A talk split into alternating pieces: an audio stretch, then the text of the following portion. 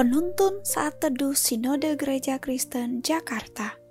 Kamis 6 Mei 2021 Judul Renungan Roh Kudus Mengubahkan. Nats Alkitab terambil di dalam kitab Roma pasal 8 ayat 13 Sebab jika kamu hidup menurut daging, kamu akan mati tetapi jika oleh roh kamu mematikan perbuatan-perbuatan tubuhmu, kamu akan hidup.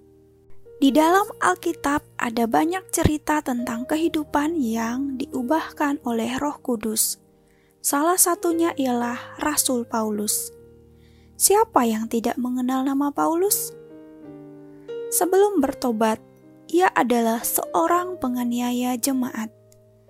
Dengan bengisnya ia menyiksa, memenjarakan, bahkan terlibat dalam persekongkolan pembunuhan Stefanus.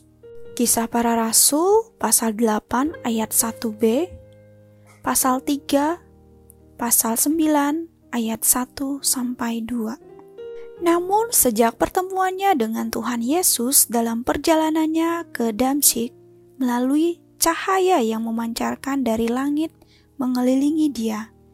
Kisah para Rasul pasal 9 ayat 3. Dari sanalah awal dari terjadinya perubahan besar dalam hidupnya. Dari seorang pembunuh menjadi seorang yang tulus hati dan siap teraniaya dalam menyuarakan kebenaran firman Tuhan. Dalam Roma pasal 8 ayat 13 dikatakan bahwa Siapa yang hidup menurut daging akan mati, tetapi jika oleh roh kamu mematikan perbuatan-perbuatan tubuhmu, kamu akan hidup. Mengapa orang yang hidup menurut daging akan mati? Karena perbuatan daging merupakan perseteruan terhadap Allah. Tidak takluk pada hukum Allah, sehingga mereka yang hidup dalam daging tidak mungkin berkenan kepada Allah. Tetapi mereka yang hidup oleh roh akan memiliki damai sejahtera. Hidupnya terus mengalami perubahan menuju keserupaan dengan Kristus. Coba perhatikan perubahan hidup murid-murid Tuhan Yesus antara sebelum dan sesudah Roh Kudus dicurahkan. Sikap para murid berubah dari sikap mementingkan diri sendiri menjadi sikap rela menanggung resiko, bahkan rela mati demi Injil Kristus diberitakan, iman dipertahankan.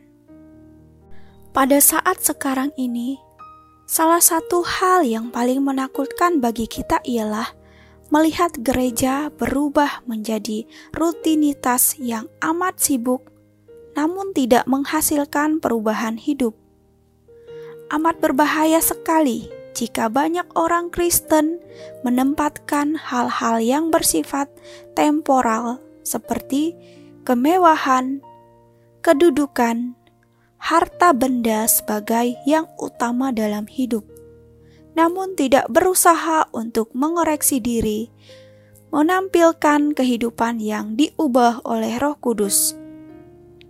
Marilah kita serahkan hidup ke dalam tuntunan Roh Kudus, agar kita dapat merasakan kehidupan yang diubahkan olehnya, sehingga dari dalam hidup kita terpancar rupa Kristus yang memberkati orang-orang di sekitar kita. Tidak akan pernah terjadi perubahan hidup tanpa ketundukan pada Roh Kudus. Amin. Tuhan Yesus memberkati.